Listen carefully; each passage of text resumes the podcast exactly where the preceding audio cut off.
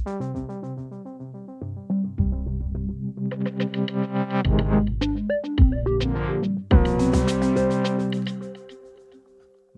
sejrede dyreaktivisterne over Rudersdal Kommune? Efter et massivt pres er det lykkedes en gruppe dyreaktivister at få sat en stopper for, at en flok ponyer kan gå frit omkring i nogle naturområder i Rudersdal. De har kritiseret det for at være dyremishandling, og særligt efter fundet af en død pony er kommunen blevet bombarderet med så mange klager, at man nu har opgivet projektet. Dorte Bragner Jensen, du er kvinde bag Facebook-gruppen Stop Vandrygt af dyr bag hegn, og I har over, to, I har over 20.000 medlemmer. Tillykke med øh, sejren over Rådsdal Kommune, kan man vel nærmest sige. Jeg har lyst til at spørge, var det marginaler, der gjorde udslaget, eller var det en overbevisende sejr? Øh, jeg skal lige forstå dit øh, spørgsmål korrekt. jeg ser jo ikke det her som en sejr. Øh, Nej. på nogen måde. Okay. Hvordan ser du det?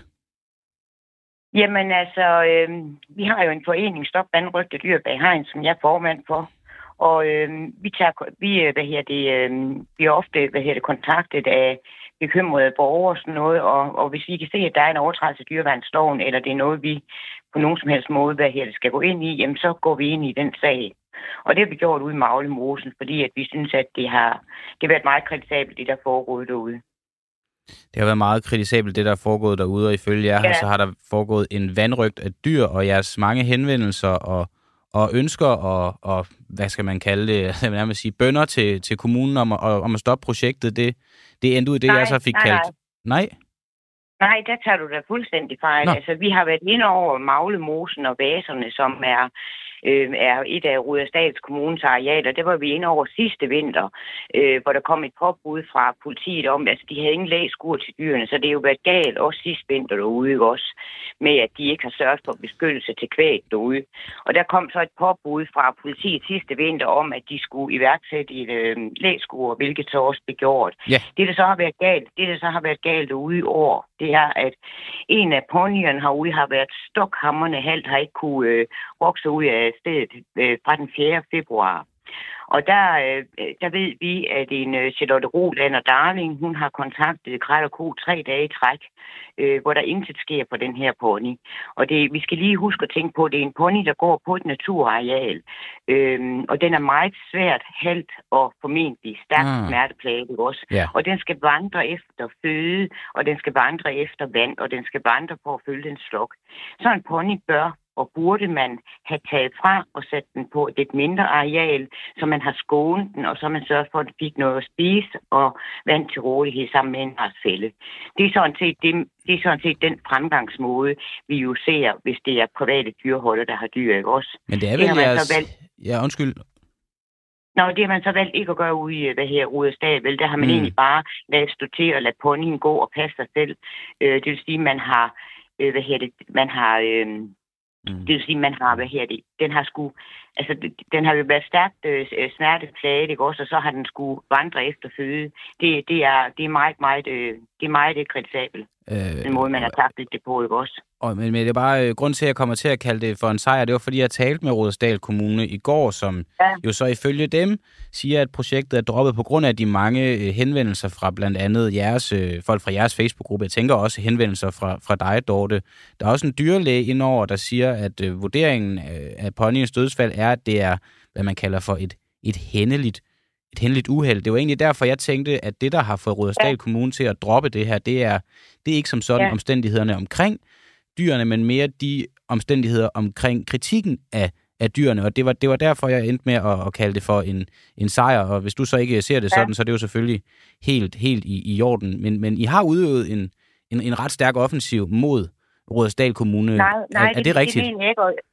Nej, jeg synes, det er meget, meget kritisabelt, at, øh, jeg synes, det er meget kritisabelt af Rudersdals Kommune, at de kalder det, øh, lige frem, det har jeg også set i avisen, de kalder det chikane. Altså, når, når, når folk retter henvendelse til en kommune, altså jeg har selv, øh, hvad her det, skrevet et par mails til kommunen, men jeg har ikke fået svar tilbage fra kommunen. Har du kun skrevet et par mails? skrevet, Nå, okay. Ja, ja. Mm. Ja, altså hvad andre borgere gør, det, det kan jeg ikke. Det står ikke på min regning. Men Nej. Jeg retter henvendelse til kommunen omkring den her pony. Jeg har også rettet henvendelse til Krat og Ko, både telefonisk med et andet, han smiger rørt på, og hvad her det... Øhm, og kommunen svarer ikke tilbage, så har vi ikke andre muligheder end at politianmelde sådan en sag. Og det har vi gjort, og vi mener stadigvæk, at man vi mener ikke, at hverken kommunen eller Krat Ko har hvad her det, øh, handlet med rettidig omhu i den her sag. Jeg ved godt, der har været en dyrlæge på, men du skal regne med, at han kommer først på den 9. februar, hvor ponyen, den bliver, øh, den står akut halvt fra den 4., mm. hvor Charlotte Roland og Darling, hun kontakter Krat og kommunen. Okay. Dyrlægen, det er også et af mine kritikpunkter. For jeg anser faktisk, at dyrlægen han har et meget stort ansvar i det her. Han er faktisk årsag til, at jeg vil faktisk gå så langt at sige, at han er medansvarlig for, at det er gået så galt, som det har. Fordi det dyrlægen, han gør... Det er en dårlig dyrlæge? Ja, jeg mener, at han har handlet, han har handlet meget uansvarligt. Okay. Øh, fordi, fordi han, øh, hvad her det, han skriver i et hans rapport, at han har været ude den 9. februar. Mm. Han har ikke hverken undersøgt ponyen eller diagnostiseret den. Han, øh, han, han, øh, han siger, at han ikke kan, hvad her, han, han ikke kan udtale sig om ponyens tilstand, fordi at det er en vild pony. Så skulle han have ladt det være ved det. Så skulle han have sagt, at jeg kan ikke komme til at udtale mig om den her pony, for jeg kan ikke komme til at undersøge den, og dyreejer vil ikke have, at vi skal bedøve den. Det gør han ikke. Han vælger at sige, at jeg kan det er en vild pony, jeg kan ikke undersøge den, men jeg tror, det er en den har temmelig sikkert trådt på en sten. Mm. Ved du hvad, vi har så meget øh, hvad hedder det, bemist materiale og dokumentation i den her sag, at vi har, altså da den bliver flyttet ud til Kongskilde, øh, der øh, siden, den, altså, siden den 12. februar, eller marts, ikke også, ja. der har vi fem vidner, der udtaler sig i sagen om, at den her pony, den har vandladningsproblemer, og den er mm. forpint, og den går og slinger med bagparten. Det kan vi se på vores videoer. Men på trods af det her, der har Syd- og Sjælland og Lollands politi overhovedet ikke kontaktet en eneste af hovedvidnerne. Vores advokat, han skriver til Syd- og Sjællands, øh, hvad hedder Lollands politi den 16. Mm. Det er den dag, hvor en af vores folk finder ponyen død. Det er jo ikke ret og ko, der finder den død selv, vel? Det er en af vores folk, der ja. finder den død i en moderbål. Ja, det er det billede, man så har set af uh, ponyen ja, uh, ligge. Ja, ja. Det har jeg også set, det billede. Ja. Og der skriver, der skriver vores advokat til øh, politiet, at vi er meget interesseret i at få den her pony obduceret, mm. fordi vi har så meget og godt og grundig dokumentation i sagen, og vi, øh, øh, så vi vil godt betale de 30.000, det koster. Der vælger politiet så at lytte til den samme dyrlæge, som har kastreret ponyen. Det vil svare til, at du klager over din tandlæge, over et stykke arbejde, han har gjort, og så er det tandlægen selv, der skal vurdere udfaldet af klagen. Der har politiet, de har lyttet til hvad hedder det, den samme dyrlæge, som har kastreret ponyen, og han kalder det et hændeligt uheld. Det er mm. meget, meget kritisabelt, og det er meget, meget kritisabelt politiarbejde, der er blevet begået i den her sag. All right. Og Dorte, og en retssikkerhed, den kan ligge på et meget lille sted her. Ja. Det virker og, som en sag, hvor alle har forsøgt mm. at vaske deres egen hænder. Hvor ja. i blandt os, jeg mener, at øh, Syd- og, og hvad det, mm. Sjælland og Lolland Falsters politi, de har en stor del af ansvaret også, ikke? Og jeg kan høre, at, at det de har, ikke jo... gjort deres, de har ikke gjort deres arbejde godt nok i min verden. Nej, og det er også derfor, jeg godt kan høre, når man så taler med dig nu, at det at kalde det en sejr, det er jo i hvert fald i dine øjne en, en helt forkert det er langt fra en sejr, øh, anskuelse af det. Det er langt fra en sejr, fordi og, og det er også der... kommunen, vælger jo, kommunen vælger jo stadigvæk at have kvæg ned på Maglemosen ja. og, og, øh, og vaserne også. Og der er jo også velfærdsproblemer med, altså kvæg i vaserne, de har jo gået hele den her ja, vinter faktisk uden i blæskuer, ikke også? Og Dorte, det er simpelthen ikke for, at være, det er ikke for at være uhøflig, men, men jeg har en mand, der venter på, at jeg skal tale om Donald Trump. Yeah. Så, men, men, og jeg, det er også derfor, jeg er jo ked af, at jeg skulle efter... Jeg har en, jeg, der, der, der, sidder en mand og venter på, at vi skal tale om, om Donald Trump. Så, og det er derfor, jeg er ked af at efterlade dig på, på denne her måde. Især sådan, nu har vi jo lige fået kørt din frustration op. Jeg håber, du kan få, få afløb for den på en eller anden måde, eller så eller så må du i hvert fald have en god og stille og rolig morgen. Og så vil jeg sige tak, fordi du var bare, med her til morgen. Det var en fornøjelse. Ja, det er bare vigtigt for mig lige at få, få tingene på plads. Ja, går. det kan jeg forstå. Det, altså, det er det for os alle sammen. Det er godt. Så det, det er et livsvilkår. Ja, det er godt. God dag. Jo, tak. Og lige måde. Tak. Hej. Ja, for vi skal nemlig øh, lige tale lidt om, øh, om øh, Donald Trump. Det er ham her, og sådan her lød det i natten til i dag. charging a former president of the United States for the first time in history on a basis that every single pundit and legal analyst said there is no case. There's no case. They kept saying there's no case.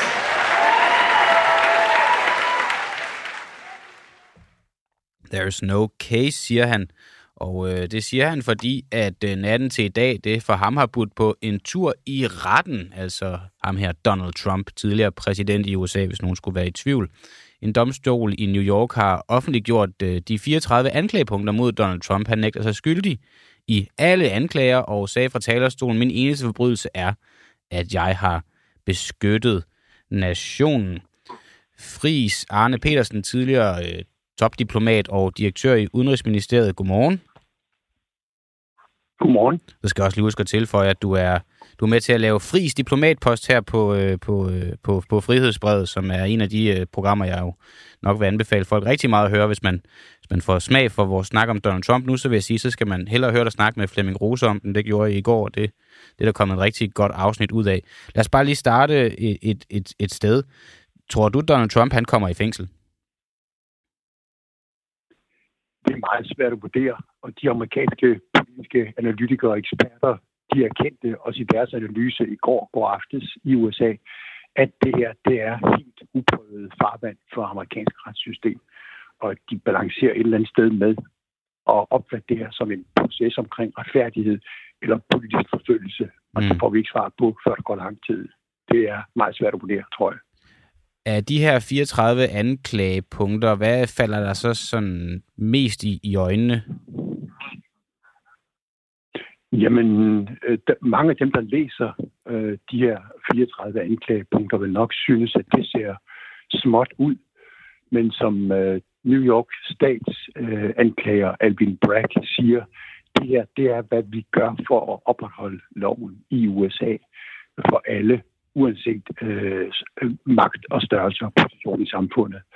Det er en, en, en meget konkret, øh, kan man sige, anklage, der er lavet mod Trump, at hans advokat, særlig fixer øh, fra dengang, Michael Cohen, har fået penge, 130.000 dollar af øh, den tidligere præsident, til at øh, lave en aftale med en tidligere pornostjerne, Stormy Daniels. Mm. Øh, og hun skulle så være tavs og ikke fortælle om sin affære med Trump tilbage i 2006, og det havde Trump brug for i 2015-16 i kampagnen for at blive valgt som amerikansk præsident.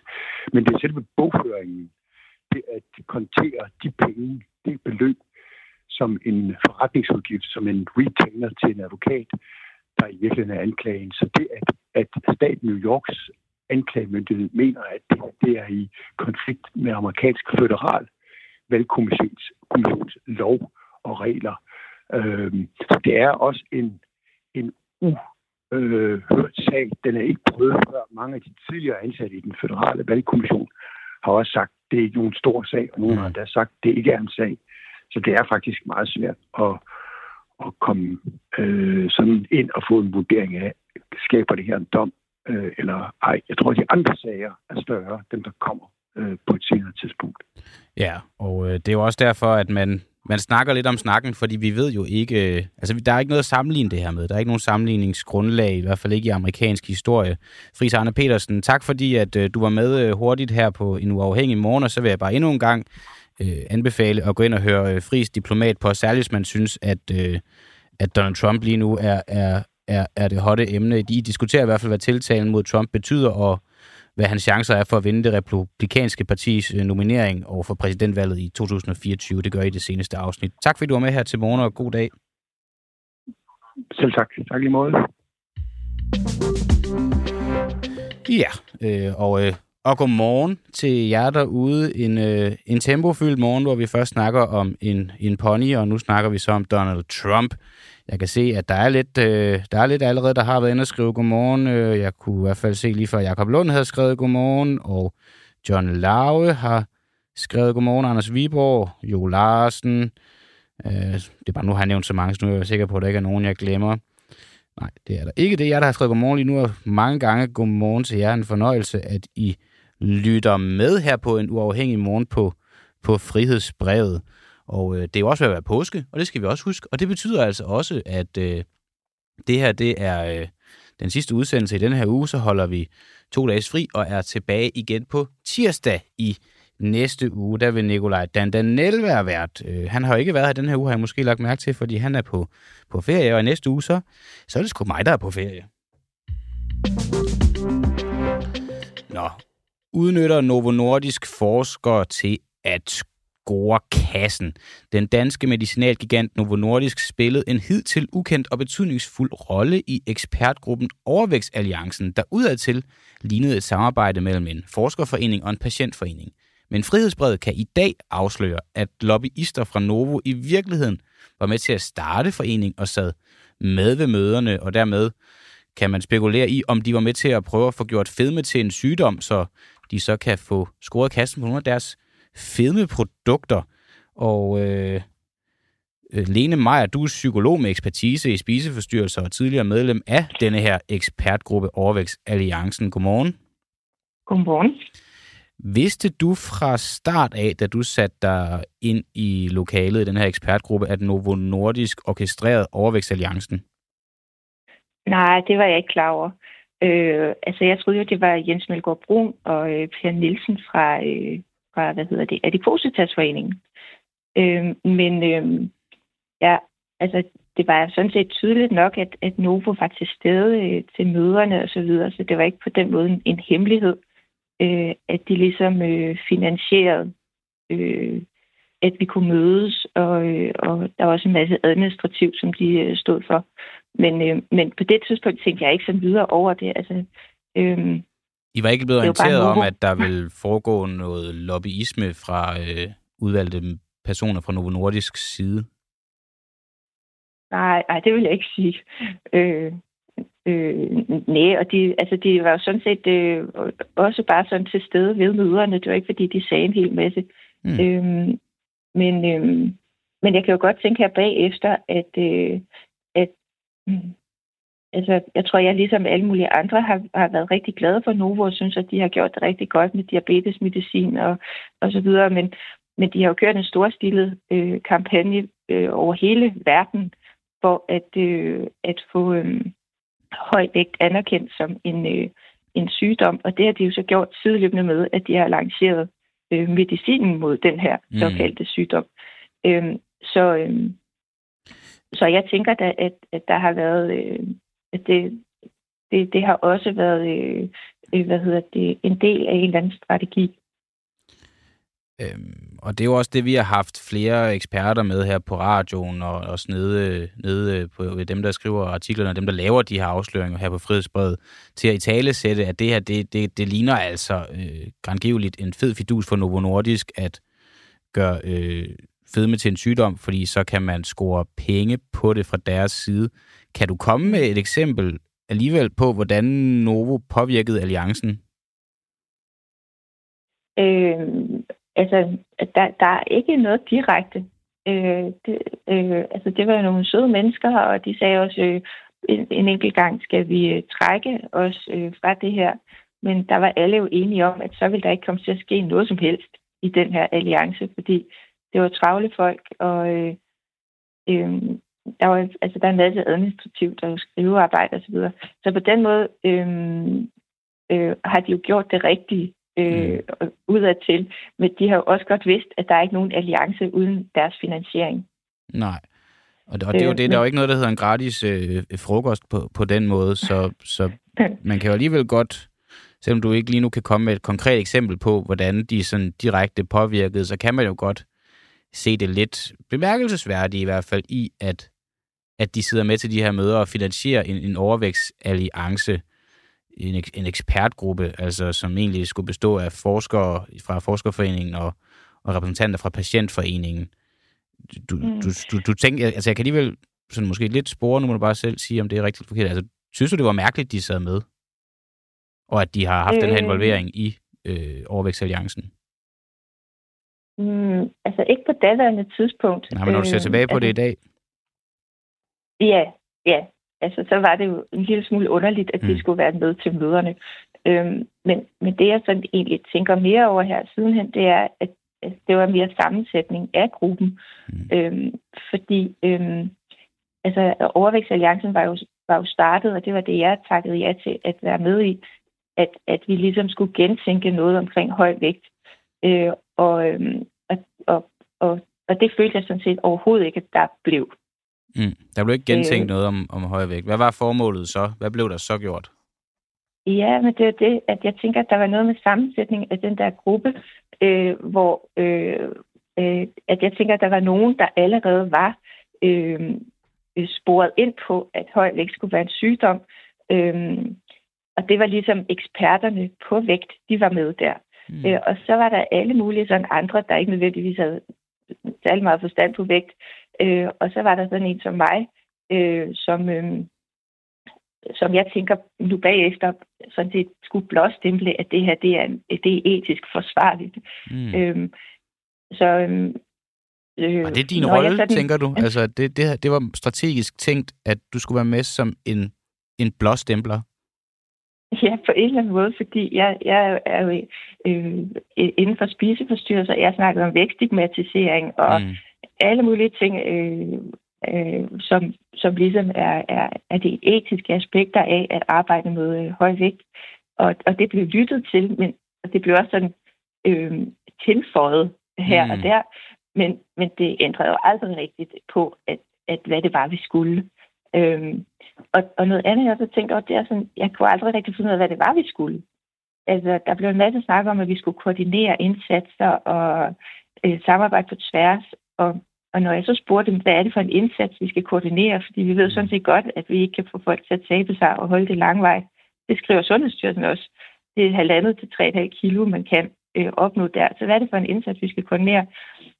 der blev det sådan lidt... Mm, det blev vi ikke, fordi vi ikke rigtig snakket om. Så er der nogen, der sagde operation, og så er der mm. nogen, der sagde paradigmeskifte, og ja. sådan noget med, øhm, hvis... at nu blev det jo det en bare... sygdom, og det vil ja, ændre præcis. det hele. Ja. Og, og det er bare lige, jeg tænker, og det er bare lige sådan her til sidst, hvis det var mig, øh, der på baggrund af min faglighed er blevet kaldt ind, og jeg så her efterfølgende kan se, at min rolle nok i virkeligheden mere har været at, at blåstemple en agenda eller en plan, så vil jeg godt kunne føle, hvis ikke min person, i hvert fald, så i hvert fald bare min faglighed var blevet udnyttet. Er ja. det er en følelse, du har i dag? Ja, jeg tænker, at det var gode spildte kræfter. Mm. Og jeg, jeg kan også være bange for, hvem der har sagt ja til at træde ind i uh, alliancen, fordi de har set uh, mit navn. Mm. Lene Meyer, du er psykolog og ekspertise i spiseforstyrrelser, og så var du jo tidligere medlem af den her ekspertgruppe Overvægtsalliancen. Tak fordi du var øh, med her til morgen, og så må du øh, have en god påske. Tak, mod. Tak. Ja, nå. I går, der var der jo hundredvis af lastbiler der skabte trafikkaos i København, og chauffører og vognmænd demonstrerede mod en ny aftale, der vil indføre kilometerbaseret afgift på lastbiler på de danske veje, og det fik vognmændene op af, op af, op af, op af vognsæderne. Og aftalen, som SVM-regeringen og Rød Blok vil indføre fra 2025, vil gøre det dyrere for vognmænd at køre i benzin- og dieseldrevne lastbiler. Vores reporter Tobias Brun, han var selvfølgelig på gaden for lige at høre, øh, hvad det er, de her vognmænd egentlig var sure over.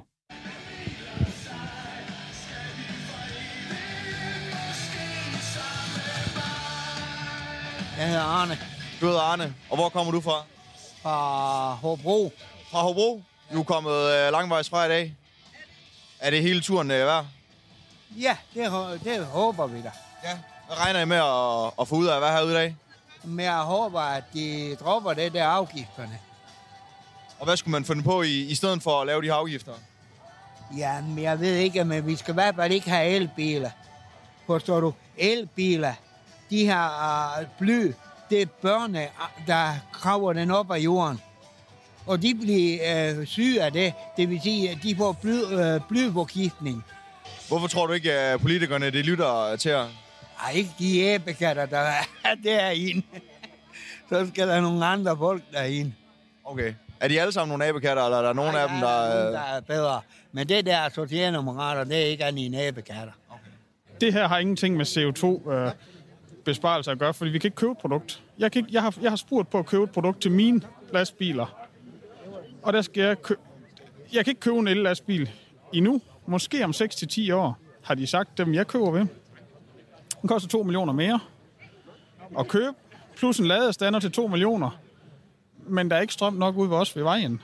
Og når jeg spørger elselskabet, der går i hvert fald 20 år, inden de forventer, der er strøm nok ud, hvor jeg bor. Så det vil sige, at jeg skal til at flytte jeg bor ude på landet, så, så skal jeg til at flytte min virksomhed. Og jeg lever af lokale kunder, så jeg kommer aldrig til at køre el-lastbil. Det, det giver ingen mening, det her. Og hvis din virksomhed den så ikke kommer til at eksistere, har du så nogle idéer om, hvad du så skal ud og lave i stedet for? Så vil jeg være politiker. For hvem? Alt andet end den røde side, vil jeg sige. Alt andet end den røde side, vil han sige. Nå, hvad, hvad, hvad skal vi så tale om? Jo, vi skal tale om brødrene Prise ikke vil give deres tjenere en ordentlig løn. Øh, og nu skal vi jo så tale om brødende priser, og det er jo desværre ikke i øh, den anledning, at det er påske, og man måske mangler lidt madinspiration. Nej, det er en lidt mere kedelig anledning, fordi restaurantkæderne Brødende Prise og af Herford Beef Stow ligger nemlig i konflikt med fagforeningen 3F, efter at de i sidste uge valgte at lockoute samtlige af deres ansatte, der er medlemmer af fagforeningen. Det kommer sig en overenskomststrid, og vi har begge parter med her til morgen for at få belyst denne konflikt, og måske i påskens ånd forsøge at forsone konflikten. John Æggebjerg Jacobsen, du er formand for 3F København. Godmorgen. Godmorgen. Hvilke krav fra brødrenes, fra brødrene Prises restauranter er det, som I mener fra 3F's side er urimelige? Jamen, der, der er faktisk mange krav. De, øh, det nye forslag til, til en overenskomst, som de kalder de er lagt frem, øh, der er det stort set på alle parametre, at, øh, at tingene bliver sat ned. Det er lige fra et særligt løntillæg, det der også hedder særlig opsparing, det er den 6. ferieuge, det er retten til tillidsrepræsentant, det er nedsættelse af hviletiden, det er retten til friweekender. Så der er sådan en hel par, række parametre, som, øh, som vi har i, i de overenskomster, vi har for nogle, øh, hvad skal man sige, på de restauranter, der arbejder på ordentlige vilkår. Det, det vil man have fjernet. Så det er en stor pakke. En stor pakke. Altså, restaurantkæderne ønsker ifølge Katja Østergaard, som vi skal tale med lige om lidt, hun er øh, fra Neumann Hospitality og repræsenterer restauranterne. Hun siger, at de ønsker at differentiere mellem faglærte og ufaglærtes løn, da de mener, at der på nuværende tidspunkt er en, en skævvridning i den her løn. Anerkender du, at øh, lønforholdene lige nu ser skæve ud mellem ufaglærte og faglærte? Nej, det gør jeg faktisk ikke. Altså, det er sådan i den branche, at øh, der simpelthen ikke er, er faglærte tjenere nok, og derfor øh, tager man ufaglærte tjenere ind, og øh, for dem, der har spist på brødrene pris eller på Herford, vil de også vide, at man ikke kan se forskel på en, en ufaglært og en faglært tjener. De bliver heldigvis lært godt op og er, er rigtig dygtige.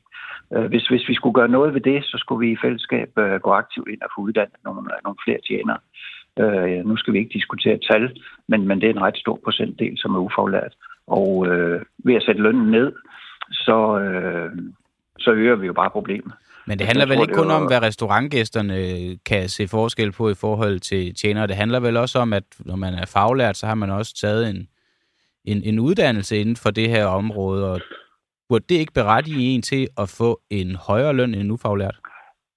Det, det får de så sandelig også. Øh, okay. Og, og det, det gode ved det er jo, at øh, arbejdsgiverne altid har lov til at give noget ekstra, øh, og det gør de til de faglærte tjenere, og det mm. gør de også til de faglærte kokke, fordi det er den måde, man øh, fastholder kvalificeret arbejdskraft.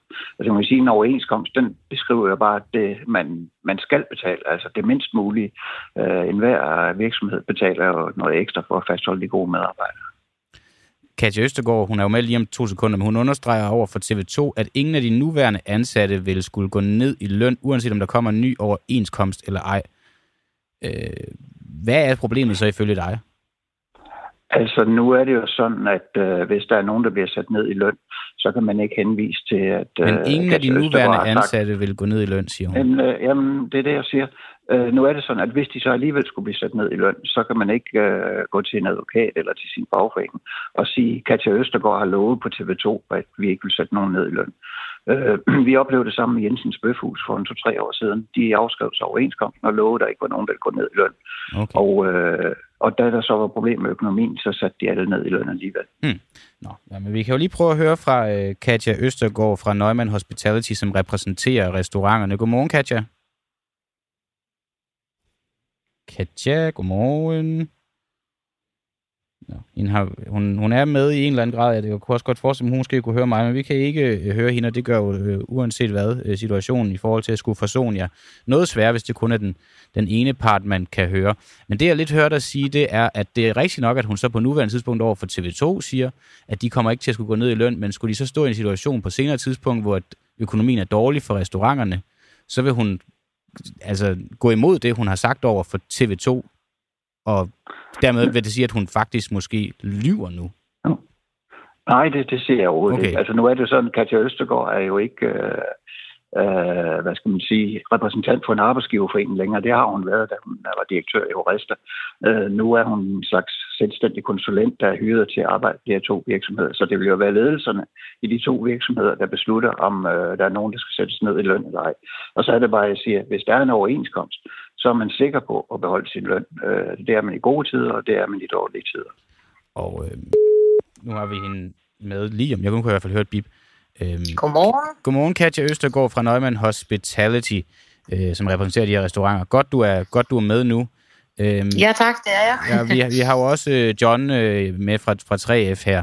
Og øh, mit, ja. Mit, mit, mit mål, og det kan godt være, at det er øh, sådan lidt urealistisk og ambitiøst at skulle klare på 10 minutter, men det er på en eller anden måde at se, om vi ikke kan, kan, kan få løst den her konflikt. Katja, du forhandler på vegne af restauranterne. Fortjener jeres tjenere ikke en overenskomst? Dem fortjener en overenskomst. Øh, Vi har jo sagt hele tiden, at vi vil rigtig gerne have en overenskomst. Øh, Begge virksomheder, jeg repræsenterer, er kendetegnet ved, at de har haft overenskomst i rigtig, rigtig mange år. Men der er kommet et tidspunkt, hvor at så vil vi faktisk også gerne have lidt indflydelse på, hvad der står i overenskomsten. Mm.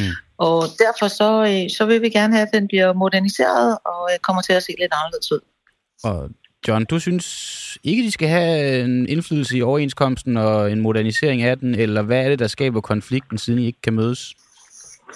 Jamen, vi, vi kan sagtens mødes. Altså, det her, jeg har tilbudt i, øh, i flere uger nu, at øh, de to restauranter i Tivoli, øh, Brødrene Pris i Tivoli og Herford i Tivoli, at øh, vi sætter os øh, 3F København. Vi er jo en lokal fagforening øh, for, for Københavnsområdet, og vi vil gerne være med til at, at lave en aftale for de to.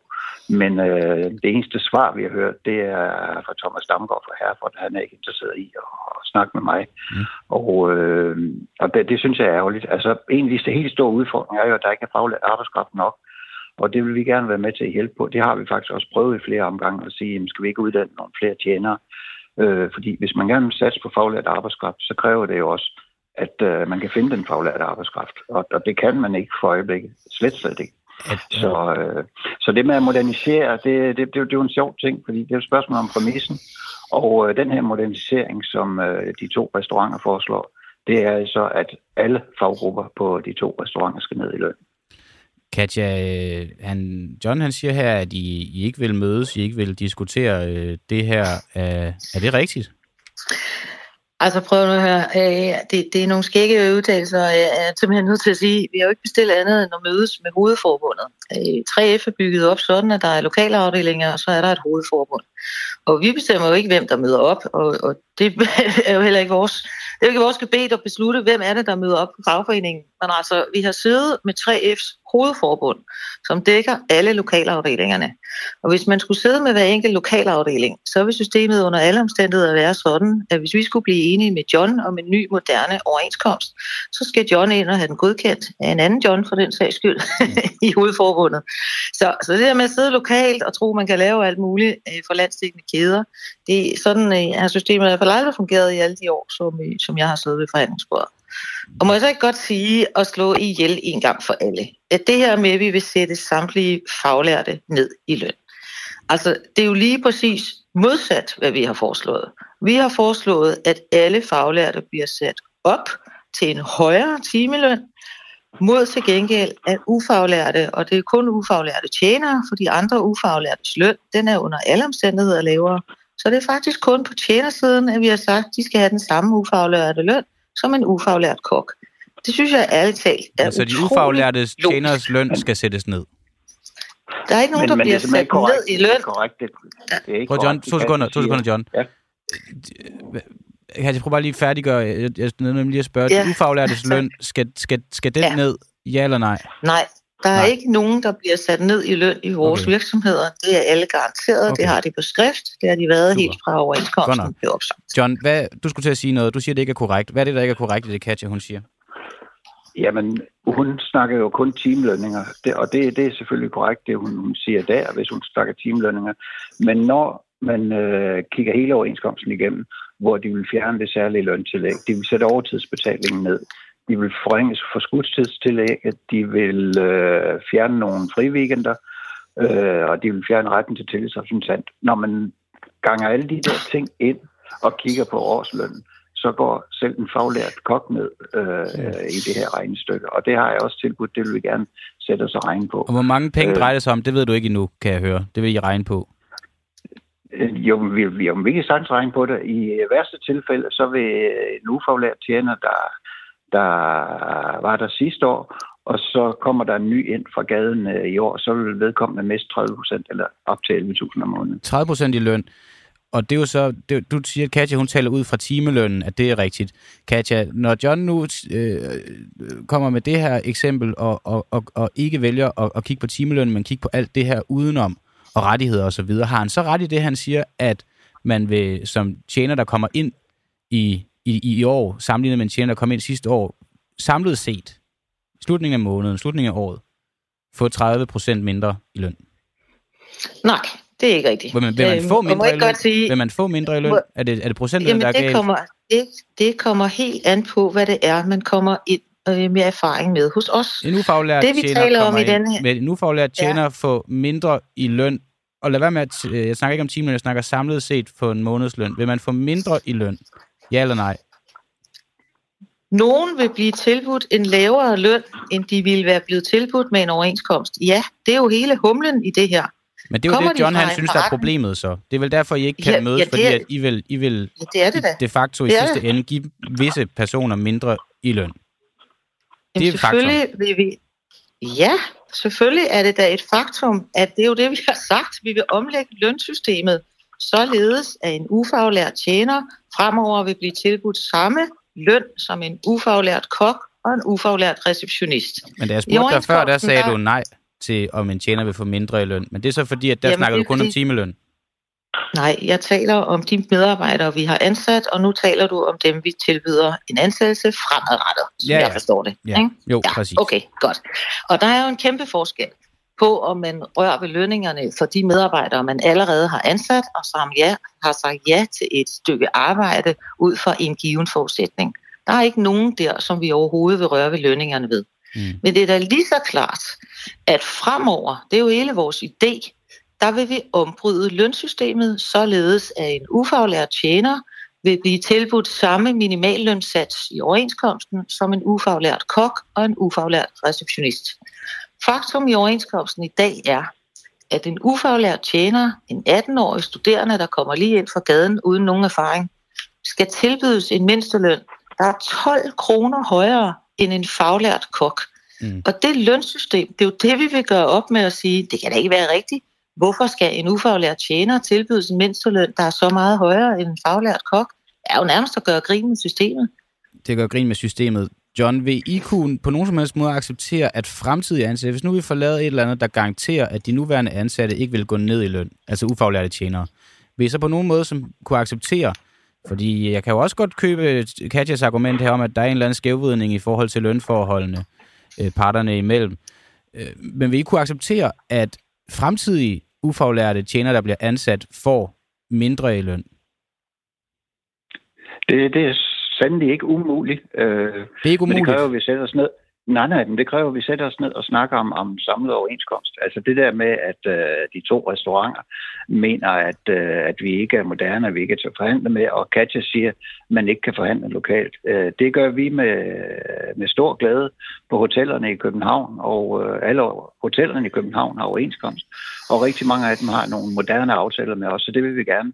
Men hvis udgangspunktet er, at man vil fjerne øh, overtid og særlig opsparing, som jo faktisk reelt er en 6-7 procent på, på bunden af lønsedlen, øh, at man fjerner retten til en tillidsrepræsentant, at man fjerner retten til fri weekender, og man fjerner den 6. ferieuge, øh, så vil vi ikke være med, fordi det her det handler ikke om, at vi, øh, vi streger på alle parametre, og så sætter de ufaglærte ned i løn. Og så vil jeg sige, at det er ikke særlig klogt. Altså jeg tror faktisk, det var her til morgen, eller også var det i går morges, at det kom frem fra STAR, Styrelsen for Rekruttering, at 33 procent af de tjenestillinger, der bliver slået op, de bliver ikke besat. Og det er altså både ufaglærte og faglærte. Så at tro, at man kan tiltrække øh, flere til den branche ved at sætte lønnen 10, 15, 20, 30 procent ned, alt sådan noget. det, er, det virker fuldstændig tåbeligt. Øh, men at lave en moderne overenskomst, det vil vi meget, meget gerne være med til. Men jeg kan høre, Katja, i lighed med, med øh, Herrefords direktør, ikke øh, synes, vi skal sætte os ned og snakke om det. Så øh, det er lidt ærgerligt. Det er lidt ærgerligt, øh, synes du. Overtid, øh, fri weekend og tillidsrepræsentant 6. ferieuge. Er det rigtigt, Katja, at det vil blive streget for fremtidige øh, ansatte? Nej, det er ikke rigtigt. Men noget det er af det bliver streget? Det, det, vi vil lave lønsystemet på en ny måde, og jeg er fuldstændig enig. Kan du garantere, at, at overtid, John, fri, siger, kan du garantere, at overtid, fri weekend og tillidsrepræsentant 6. ferie, og alt det John han siger, at det vil blive bevaret på akkurat samme måde, som det bliver nu? Det, jeg kan garantere, at alt for de nuværende ansatte bliver bevaret, komma for komma, om det er overtid eller ferie fridag, hvad ved jeg. Alt vil blive bevaret for de nuværende ansatte. Mm. For så vidt angår fremtiden, vil vi jo netop lave et nyt system. Mm. Og må jeg så ikke godt sige, jeg er jo for en gang skyld fuldstændig enig, når John refererer til tal om, hvor svært det er at få arbejdskraft i den her branche. 33 procent på tjenere, men jeg kan sige, at det er faktisk halvdelen af de stillinger, der bliver slået op i hotel- og restaurationsbranchen, som ikke bliver besat med den ønskede profil. Enten bliver de overhovedet ikke besat, eller også må vi tage en anden profil, end den vi har slået op. Typisk, hvis vi søger en faglært, kan vi ikke få det, og så må vi tage en ufaglært. Der... Og nu får man det jo til at lyde som om, at så skal vi bare ind og sætte lønningerne, nye lønninger til alle de ufaglærte. Sådan fungerer systemet jo netop ikke. Systemet er jo, at hvis du vil have nogen, der er faglærte eller ufaglærte, men i øvrigt super erfarne og kvalificerede, mm. så må du selvfølgelig også betale for, ved du hvad, ellers går det over til naboen. Så, så det her slutter med at sætte folk 30 ned i løn, det har jo ingen gang på jord. Lytterne, der sidder og lytter med lige nu, der er flere, der skriver, om man ikke bare kan give kokkene mere løn, uden at skulle røre ved nogle af de andre ansattes lønninger og vilkår. Kan I ikke bare give kokkene jo. mere løn, hvis skævvidningen ligger der? Altså ret beset, men nu skal vi ikke sidde og forhandle i radioen, men, men jeg vil da godt sige, når nu der bliver taget alle de her detaljer op, at vi har jo faktisk tilbudt en højere minimalløn til kokkene. Og det har vi, fordi vi, når vi med den ene hånd siger, at vi synes, det er uretfærdigt, at en ufaglært tjener har en mindsteløn, der er højere end kokkens mindsteløn, jamen så må vi jo også med den anden hånd sige, at så er det også rimeligt, at den faglærte mindsteløn er den samme. Og John, derfor har vi faktisk tilbudt no. at sætte den John, væsentligt op. John, hvis de giver kokkene mere løn uden at røre ved de andre vilkår øh, for de andre øh, ansatte, vil det så kunne være noget, I kunne gå med på? Jamen, det er jo virkelig, det er virkeligheden nu. Altså, der er ikke øh, nogen faglærte kokke, der går til, til den mindste løn, som Katja snakker om. Hverken, øh, er det løgn, det Katja siger så? Nej, nej. Jeg siger bare, det lytterne foreslår, det er faktisk det, der, der er foregået i overvis. Kokken de er i så høj kurs, så der er ikke nogen af dem, der går til de øh, uh, mindste lønninger, der, der står i overenskomsten. Uh, der er lytterne jo ret. Altså på det, den måde, man tiltrækker faglærte kokke på. Problemet er, i, i den her situation, det er jo blandt andet de her to restauranter. De tager ikke tjenerelever, de tager ikke kokkeelever. Og vi får altså ikke flere faglærte, hvis ikke der er nogen af de her restauranter, der begynder at tage det her ansvar. At man nu så i stedet prøver at lave en, en løsning, som betyder, at man sætter de ufaglærte ned i løn. Det får vi jo ikke flere faglærte af, og vi får slet ikke flere til branchen. Katja sagde lige, at det var op til 50 procent af stillingerne, der ikke bliver besat. Katja, så, øh, så jeg synes, vi har et fælles problem, som vi kunne løfte, blandt andet ved at satse på at få uddannet nogle folk. Et fælles problem, man kunne løfte blandt andet ved at satse på at få uddannet nogle folk. Øh, Katja, John han øh, siger, at lønnen for de her kokke ikke... Øh, det, han, han genkender ikke det samme billede, som det du fremlægger. Hvorfor sidder I med to oh, forskellige det billeder? Jeg, det synes jeg da er meget tydeligt, at, øh, at John sagde, at han gjorde, øh, da du spurgte, om jeg havde ret i satserne. Vores overenskomst det består af minimallønssatser, og det vil sige, at det er den løn, som folk mindst skal have. Mm. Har de bedre kvalif- kvalifikationer, er der mangel på arbejdskraft, hvad ved jeg, jamen så giver du højere lønninger i den praktiske verden. Det vil gælde for kokke, det vil gælde for tjenere, det vil gælde for receptionister. Men det ændrer jo altså ikke på, at man skal blive enige om nogle mindste satser, som står i overenskomsten. For hvis de var helt ligegyldige, så var der ikke rigtig nogen grund til at have dem med. Mm. Og så vil jeg rigtig gerne sige, det med at få flere faglærte tjenere, altså det er os, der som virksomhed lever af at have kvalificeret arbejdskraft. Mm. Der er ikke noget i verden, vi heller vil, end at have flere kvalificerede.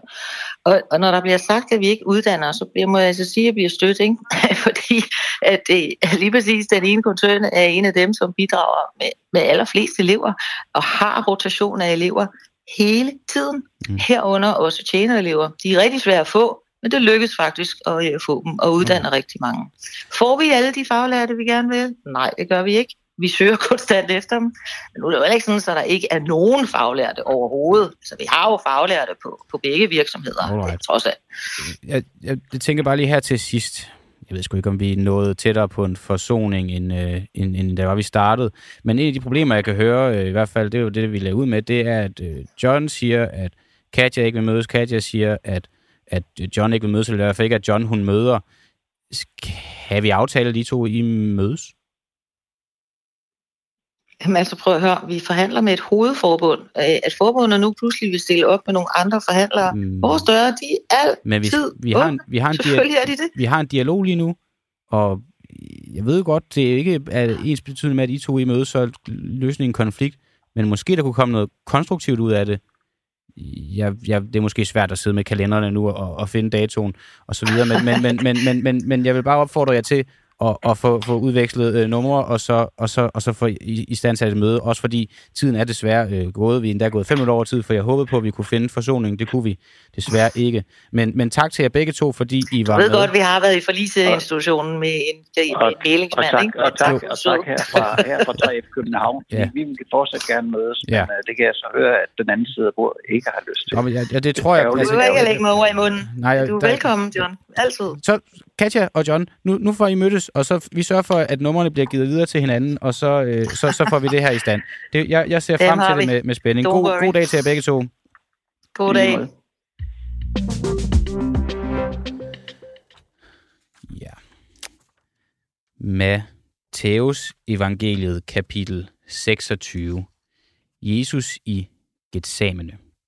Der kom Jesus med dem til et sted, der hed Gethsemane, og han sagde til disciplene, Sæt jer her, mens jeg går derhen og beder. Så tog Peter, så tog, så tog han Peter og de to Zebedeus sønner med sig, og han blev grebet af sorg og angst. Da sagde han til dem, Min sjæl er fortvivlet til døden. Bliv her og våg sammen med mig. Og han gik lidt længere væk, faldt ned på sit ansigt og bad. Min fader, hvis det er muligt, så lad dette begær gå mig forbi. Dog ikke som jeg vil, men som du vil. Han kommer tilbage til sine disciple og finder dem sovende, og han sagde til Peter, så kunne I da ikke våge blot en time sammen med mig. Våg og bed om ikke at falde i fristelse. Ånden er reddet, men kødet er skrøbeligt. Atter for anden gang gik han bort og bad. Min fader, hvis det ikke er muligt, at dette begær går mig forbi, men jeg skal drikke det, så ske din vilje. Og atter kom han og fandt dem sovende, for deres øjne var blevet tunge. Han forlod dem igen, og for tredje gang gik han væk og bad den samme bøn. Der kom han tilbage til disciplene og sagde til dem, Sover I stadig og hviler jer? Nu er timen kommet, da menneskesønnen overgives i sønderes hænder. Rejs jer, lad os gå. Se han, som forråder mig, er her allerede. Det her det er som sagt fra Matthæus evangeliet, kapitel 26. Dette er nogle af ordene og tankerne fra Jesus sidste tid som frelser på denne jord, og det beskriver, hvad der ligesom løb igennem hovedet på ham. Margrethe Augen, din sidste tid som europaparlamentariker befinder du dig i lige nu. Hvad løber igennem hovedet på dig, og godmorgen? ja, det løber altså det igennem, at vi står i et af de højdepunkterne i, i, i, i kirken. Det gør vi da i vores, øh, i vores kirkeår. Og øh, langfredag er en øh, utrolig dramatisk dag, når man tænker på, hvor, hvor øh, brygsom den er, at øh, en henrettelse, som er øh, grusom, øh, som er øh, har foregående tortur. Mm. Han er et menneske, alle forlader ham. Han er fuldstændig alene. Og, øh, og, og, den, øh, og den historie, den har jo så præget øh, kirken sidenhen, øh, fordi den jo så samtidig siger, nu kan ingen mennesker komme hen, hvor Gud ikke har været.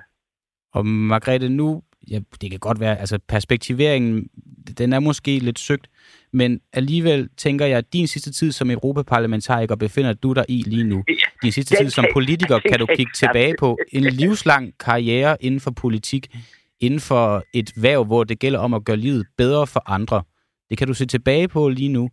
Hvad, hvad tænker du ja, om al den tid, du har brugt på det?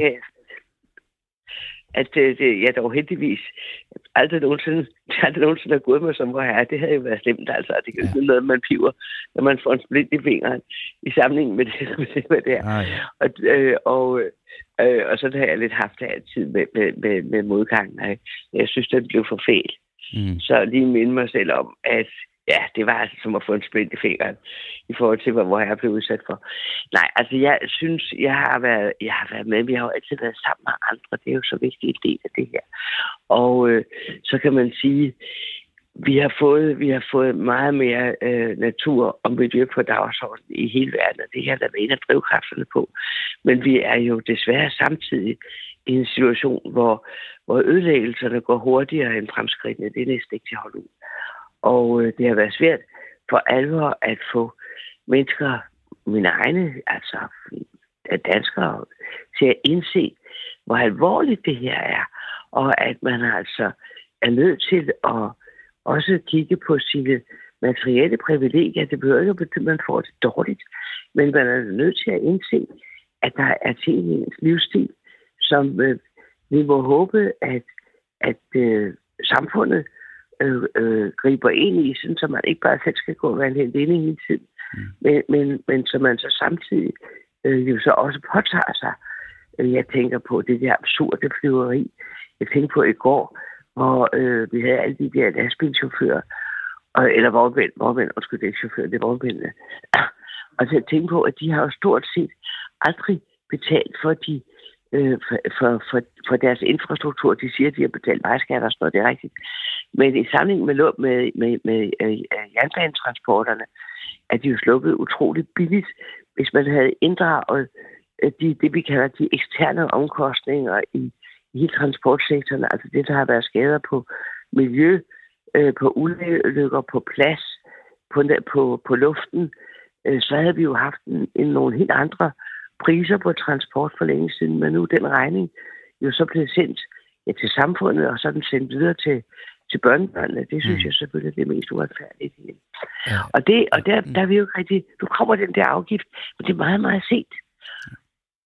Er du stadig en skrabkælling? Det har jeg da bestemt planer om at være. Det har jeg da bestemt planer om at være, så længe der er brug for det. Og så håber jeg da også, at jeg kan deltage i at give håb til, øh, til folk også. Fordi det er jo ikke noget, vi giver op det, det kan vi ikke bruge til noget. Vi er nødt til at sige, okay, hvad gør vi så? Og hvad er det så, der skal tages fat på? Og så øh, hele tiden holde os klart, at vi har altså ikke uendelig med tid. Når man snakker om, at det går alt for hurtigt, så er svaret kun, det er hele tiden gået alt, alt, alt for langsomt. Mm. Som europaparlamentariker, så modtager man jo de her 30.000 kroner om måneden, som nogen vælger at kalde for blyantspenge. Dem har du modtaget i dine snart... Det kalder vi selv. Ja, så det ja, kalder ja, jeg selv. Ja. Det har modtaget snart dine 19 år i Europaparlamentet. Det giver øh, samlet set 6,8 millioner. Øh, og jeg er med på regnestykket måske. Der er dem, der har. Men, men jeg, bare, jeg, bare, hvis jeg... der har min dom. Nej, men det, nej, men det, men jeg bare... Det. Nej, nej, nej, det, ej, det skal jeg slet ikke kunne sige noget om. Jeg tænker bare, hvad er den vildeste det, ting, nej, du... Nej, det hvad, hvad, hvad, det er mine regnskaber. Og, og det er regnskaber. Jeg, jeg har fremlagt mine regnskaber. Og, og det tror jeg på. Men hvad er den vildeste ting, du har brugt de her penge på? Bare hvis jeg havde 30.000 ekstra om måneden og, og råde over, øh, hvad, hvad, så, havde, så havde jeg nok købt et eller andet helt vildt fedt på et tidspunkt. Har du brugt dem på noget fedt? Nej, ja, altså at mine medarbejdere havde computer og telefoner, og at vi øh, indimellem også kunne sørge for, at der var øh, det, altså personalepleje, vi havde da i spist, der altså bare selv skulle betale min egen det fordi jeg får, øh, jeg får dagpenge også, jeg skal ikke, øh, jeg kan ikke tage de penge, hvis jeg har haft gæster, øh, og har på sådan nogle altså arbejdsmiddag. Så noget det har de været brugt på også, men altså hele tiden med den betingelse, at jeg selv skulle betale min del, og det er fint nok. Mm. Og så har vi brugt dem til, øh, vi har brugt dem jo ikke til rejser, det kan vi ikke. Dem. Der er egentlig ret skrappe regler for, hvad de må bruges til. Så, så øh, hvis man altså overholder dem, og i øvrigt sørger for, at vi har vores, øh, hvad skal vi sige, kategorierne, har man kunnet finde, og vi har regnskabet revideret. Så der er ikke noget at gå til at være misundelig over. Det eneste, der irriterer mig voldsomt, det er, at en altså, meget stor del af pressen ikke kan finde ud af at spørge mig andet end det. Nej, og men så vil jeg spørge dig om noget andet her. Øh, så det er... Øh, altså noget politisk for eksempel. ja, det kunne vi faktisk godt sige. Din tid som europaparlamentariker, den lakker jo som sagt mod enden. Hvad fik vi danskere ud af dine 19 år i parlamentet? Ja, altså hvad får I ud af at have folk i Folketinget? Vi får lavet nogle love. Jeg har været meget involveret i en række vigtige love, og så har vi en partigruppe. Og der, hvis man sidder med i en parti, altså et parti, så sender man ikke her det direkte som en sag. Så er man jo i og med, at man er der, man diskuterer der, man er en del af den magt, der ligger bag love, så er det jo også en del af ens øh, udbytte at være der. Men altså, som mine egne love har jeg øh, noget af det, som jeg er rigtig glad for, det var, at jeg var en af de, jeg fik lavet den første lov, der handlede om at begrænse affald. Det er altså, da man fik indført, at der skulle, at der skulle være forbrugspriser på alle plastikposer. Det var har faktisk hjulpet kolossalt meget på at få nedbringet forbruget af, af, af, af der blev brugt de her små glitterposer, blev der brugt 100 milliarder om året i EU, de 80 procent havnede ude i naturen. Det har ændret sig drastisk så har jeg været med til at lave en lov. Hvordan en har det ændret om, sig øh, drastisk? Har vi nogle tal eller nogle resultater, der viser, Ja, at der ikke er nogen poser i Ja, naturen men altså, længere? jeg har ikke været, der, der er ikke noget med ikke nogen poser. Ja, men men mindre der er færre meget, poser. meget færre. Det er jo ikke langt færre. Mm, langt, langt, langt færre. Okay. Altså folk, jamen, folk er blevet helt anderledes dygtige til lige, hvis de er på apoteket og åbne tasken og putte det i tasken i stedet for at få en pose. De er alle steder spørger, de skal du have en pose, og så skal man betale for den.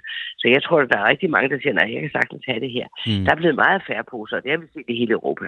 Og det har været en enorm gevinst, og det er også noget, der har bredt sig noget. Mm. Problemet har været, og det har vi ikke fået til, til at gøre det nu, men så begynder man at erstatte det med sådan noget bionedbrydeligt noget, og det er noget stas. Fordi det havner lige så meget i naturen, og hvis det bliver slugt af en fisk, så er det simpelthen lige så farligt. Mm. Mm. Og, øh, og, og det skal vi skal altså have, vi skal ikke have erstatning med engangsprodukter. Jeg har været med til at lave loven mod engangsplastik. Den er ikke implementeret fuldt endnu. Men øh, det er da en af dem, jeg også er stolt af. Og så er jeg faktisk hvad jeg er lidt mere stolt af, eller ikke lidt mere stolt af, men meget stolt af, det er, at jeg har været en drivkraft i at få gennemført en lov, så alle nye medicinske produkter, de skal, der skal vi senest et år efter, at de kom på markedet, skal vi have kendskab til alle de øh, kli- kliniske forsøg, altså alle forsøg med mennesker, mm. og, og dem alle sammen, også de negative. Mm. Og sådan så, at en, øh, en dygtig journalist kan finde dem, altså ikke bare, mm. de er begravet i et eller andet. Mm. Og det er, det, men medicinindustrien har brugt sig som egentlig bare det. Men øh, nu kommer loven, altså. Mm. De har jo trukket den og trukket den, Ja. men nu kommer den. Nu kommer den er jeg meget stolt af. Det er du stolt af. Ja. Margrethe Augen, Altså, du er... Ja, det er det. Nej, men undskyld, det er bare, du er afgående medlem af Europaparlamentet for SF, men du er fortsat en... Ja, ja, altså afgående, afgående.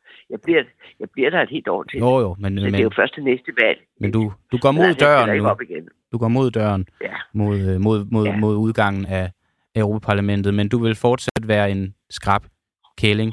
Tak fordi du var med her til morgen, Margrethe Augen, og så må du have en god dag.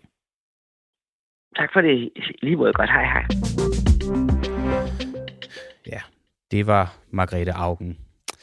Og nu skal vi spørge, om SF er kommet med et antistressudspil for, at Pia Olsen Dyr kan gå tur med hunden og se Netflix i fred. Fordi i et interview med Politiken, der fortalte SF-formand Pia Olsen Dyr, at hun i januar hæv stikket og lavede ingenting. Hun så noget Netflix og gik nogle ture med sin hund. Der har jo været meget omkring, og det er ikke lykkedes os at få et interview med, med, med Pia Olsen Dyr omkring det her. Til gengæld så øh, afholdte SF i weekenden landsmøde i Kolding, og øh, det er der blandt andet kommet et antistressudspil ud af. Og vi skal tale med, med øh, arbejdsmarkedsordfører for SF, Carsten Hønge, her lige om et, om et ganske kort øjeblik. Jeg kan bare lige, bare lige en gang til for prins Knud komme med citatet, Pia Olsen Dyr, hun kom med i sit interview med Politiken. Jeg har ikke sagt det andre steder, men jeg kunne mærke, at jeg havde haft meget travlt i en meget lang periode. Efter de tre et halvt år som støtteparti, så en valgkamp og så regeringsforhandlinger, så hævde jeg stikket og lavede ingenting. Jeg gik tur med hunden og så en masse Netflix og lavede ellers absolut ingenting. Carsten Hønge, du er arbejdsmarkedsordfører for SF. Godmorgen. Goddag med dig.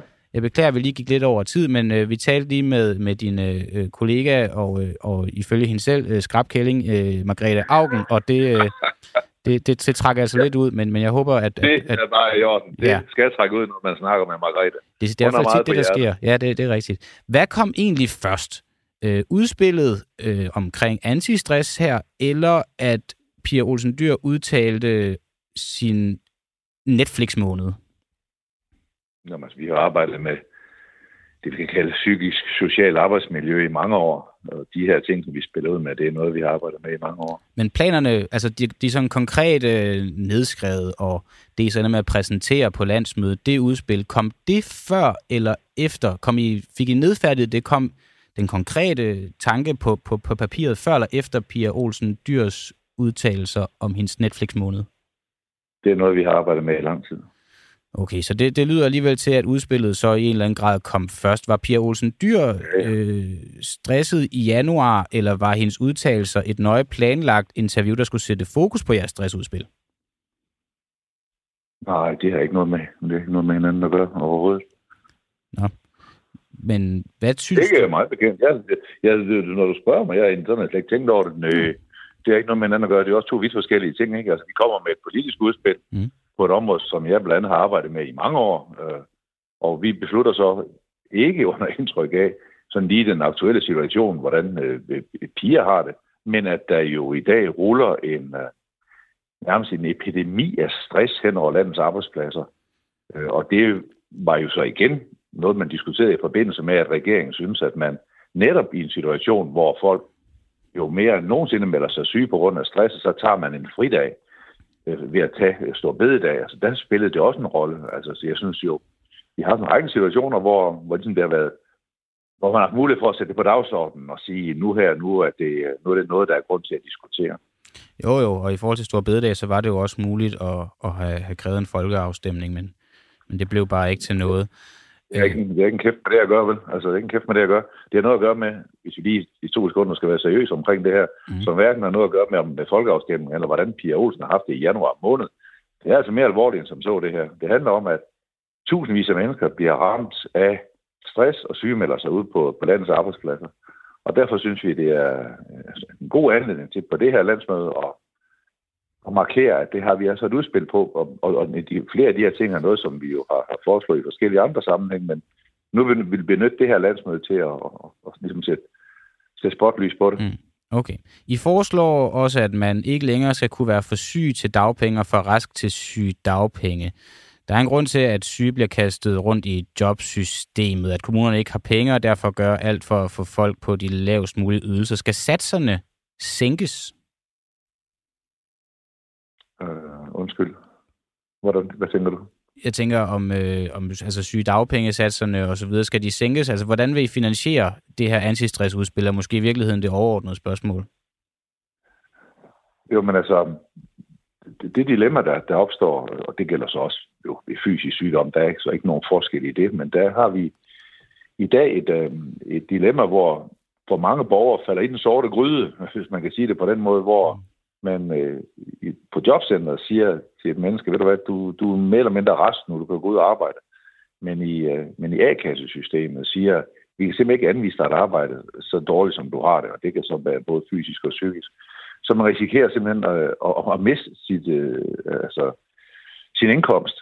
Det af de forslag, som vi har argumenteret for igennem gennem flere år, det er, at man kan ikke i det ene system tage penge fra folk, samtidig risikerer, at med det andet system også tager penge fra folk, der skal der simpelthen ske en koordinering, og jobcentrene og A-kasserne skal sætte sig sammen med borgeren og finde ud af, øh, kan du tage et arbejde, så kan du det, og hvis du ikke kan det, så har du så øh, fortsat enten dagpenge eller sygedagpenge.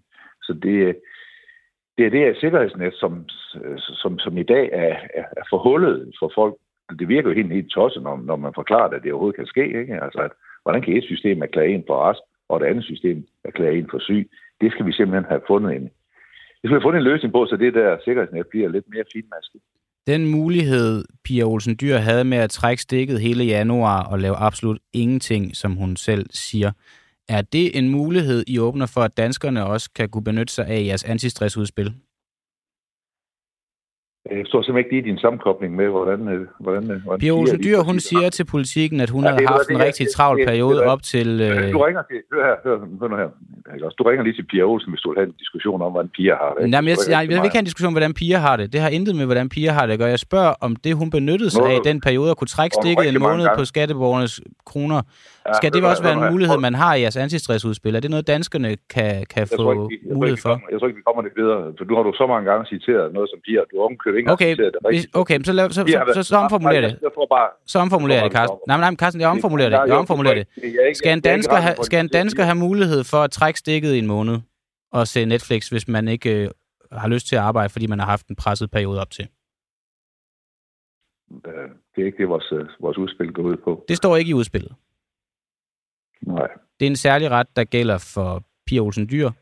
Jeg tror, vi stopper nu, ikke? Skal Hvorfor? det? Du ringer til Pia Olsen, hvis du vil uh, interviewe Pia, om hun har haft det. og Mm, siger, Du er, arbejdsmarkeds, du er arbejdsmarkedsordfører. Det handler ikke om, hvad, hvad, hvad, hvad, hvordan piger har det, eller hvad piger gør. Det handler om, om danskerne har de samme muligheder som Pia. Olsen Dyr. Men det har de ikke. Nej. Hvor vil du hen med det her interview? Jeg vil spørge, om danskerne skal have samme mulighed for at trække stikket i en måned og lave absolut ingenting, hvis det er det, man som dansker føler, man har behov for. Og du ved også udmærket godt, at Pia ikke har sagt, at hun lavede absolut ingenting. Jeg var sammen med hende den måned, hun deltog i, i en række møder. Så hvor er vi henne? Pia, hun siger også selv, sagt- jeg gik en tur med hunden Og så en masse Netflix og lavede ellers absolut ingenting. Hun siger det. Det, er. Hør her, nu skal du høre her. Jeg er ikke inviteret i radioen for at diskutere Pias situation, så vi Nej, men bare jeg diskuterer danskernes situation. Om danskerne skal vi- have samme muligheder og samme situation. Du kan bare sige ja eller nej. Ja, eller, eller sige farvel, ikke? Det, øh, altså, det, det er også en mulighed, hvis du ikke vil snakke med... Men du vil ikke svare ja eller nej til, om danskerne skal have samme mulighed. Altså, jeg, jeg, altså, jeg vil meget, meget gerne tale om vores stressudspil, fordi det er der substans i, det er seriøst, det handler om menneskers øh, liv og deres mulighed for at få job. Det er det, der interesserer mig. Mm. Jeg synes, det kan være en anledning til at diskutere, øh, når vi nu ser politikere få stress. Det er der en række politikere, der har fået. Mm. Så sent som i går var i forgårs, havde vi igen en politiker, Ja, der var er så syg på grund af stress. Det kan være en anledning til, at vi i det hele taget diskuterer, øh, hvordan vi håndterer stress på arbejdspladserne. Jeg synes, det kan også være en anledning til at diskutere den meget forskellige måde, vi tilgår det til. Altså, når vi har politikere, der, der får stress, så får de lov til at være sygemeldt i lang tid, uden Mhm. at de bliver indkaldt til en mulig samtaler i jobcentre eller andre steder. Så måske skulle man lade sig inspirere af, at øh, når folk er under hårdt mentalt pres, ja, så er løsningen nok ikke at presse dem yderligere. Og det princip, eller den måde at tilgå mennesker på, synes jeg også skal gælde folk på alle mulige andre arbejdspladser i Danmark. Det er, at man får mulighed for at melde sig ud af systemet, så man ikke får henvendelser fra jobcentret i en periode. Det er en af de rettigheder, vi mener, folk skal have. Blandt mange andre af de stressudspil, vi har. Så borgerne skal have nogle af de samme rettigheder, som politikerne har, er det, jeg hørte dig sige. Det, Nej, det handler, det, handler, altså, det handler mere som sådan en fundamental måde, hvordan man går til syge mennesker på, hvor vi synes, at øh, det ser ud til, at vi godt kan finde ud af at, i hvert fald at behandle politikere på en særlig måde, de mennesker, der har været ramt af stress. Mm. Herunder vores egen Jacob Mark, der har jo Ja. været meget åben om, om sit sygdomsforløb, og hvor han jo netop fik øh, tid og ro til at komme sig ovenpå, ovenpå en, øh, øh, altså sin, sin stresssygdom. Den, så den principielle tilgang, synes jeg også skal gælde øh, for alle mulige andre mennesker, der bliver syge, at du har mulighed for at melde dig, med så må sige, ud af jobcentret i en periode, indtil du får det bedre. Så det, er den principielle tilgang, synes jeg faktisk, man skal lære af. Siden det er det, vi mener, det virker godt for politikere, så tror vi også på, at det er noget, der virker godt for andre. Det kan så være blandt andet Jacob Marks øh, Mm. eksempel, men der er også andre politikere, der har været ramt af stress. Øh, og der vælger man jo en tilgang, og en fundamental, fundamental en anden tilgang over for borgerne. Det øh, er der tankevækkende. Så derfor kan man jo bruge det som et eksempel på Ja. at, at diskutere, hvordan, hvordan, hvordan, hvordan behandler vi mennesker, der har fået stress. Skal er danskerne så er en til en have samme øh, rettigheder og vilkår, som politikere har, så frem de skulle blive ramt af stress? Nej, det ligger der ikke i vores udspil. Det ligger der ikke i jeres udspil. Det lyder ret dyrt, at man i hvert fald i en eller anden grad skulle kunne øh, overgå til nogle af de samme... Øh, du siger, at vi lader inspirere af den måde, politikere øh, kan sygemelde sig og stresse sig på, at danskerne skal kunne gøre det samme. Altså i en eller anden grad trække stikket uden den samme overvågning og den samme sådan pacing for at komme tilbage på arbejdsmarkedet. Det lyder dyrt. Hvordan vil I finansiere det?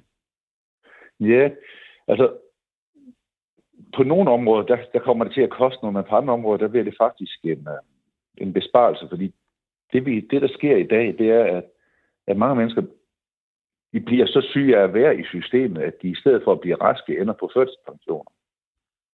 Så derfor øh, har vi i dag et system, der, der ikke tilstrækkeligt, i tilstrækkelig grad hjælper folk reelt videre til at blive raske. Så, så det er ikke kun et, et udgiftsforslag, vi kommer med. Det er også noget, der kan gøre faktisk også, at man kommer hurtigere ud af sygedagpengene.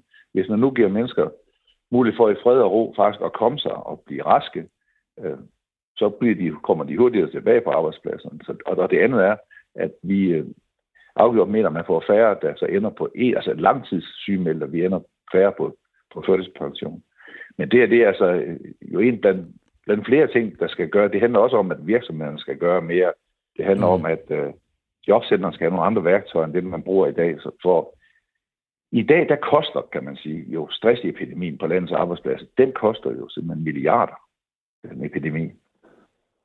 Ja, det gør den, og, og, og det, altså, ja, har I haft nogle eksperter så til at være med til at vurdere, at det her det faktisk vil give en økonomisk gevinst i den anden ende, eller er det jeres egne tanker og visioner? Ja, men vi har jo, det er kun også, vi har jo på inden for arbejdsmiljøet i det hele taget har haft mange beregninger gennem mange år, der viser, at der er rigtig mange penge at hente ved at investere i arbejdsmiljø. Mm. Altså arbejdsmiljø, det har vi, og det er en række forskellige, både for fysisk og psykisk arbejdsmiljø, hvor det er sådan, lidt populært sagt kan man sige, at hvis du investerer en krone i arbejdsmiljø, så får du to kroner tilbage. Altså, investering i arbejdsmiljø bredt set er noget, der godt kan betale sig. Alright. Okay. Carsten øh, Hønge, arbejdsmarkedsordfører for SF. Du skal have tak, fordi du stillede op her til morgen, og så må du have en god påske. I lige måde. Farvel. Og så nåede vi øh, til, til slut, til vejs ende af dette program. Og så går vi på en lille påskeferie, og jeg håber også, at nogle af jer kan få mulighed for at gå på en lille påskeferie, få trukket stikket og slappe lidt af, og måske endda se lidt Netflix. Ude i regien, der sad Magne Hans og trykkede på knapperne og ringede op til kilder og sørgede for teknikken spillet. Og Peter Svarts, han har sammensat programmet. Jeg hedder Christian Henriksen.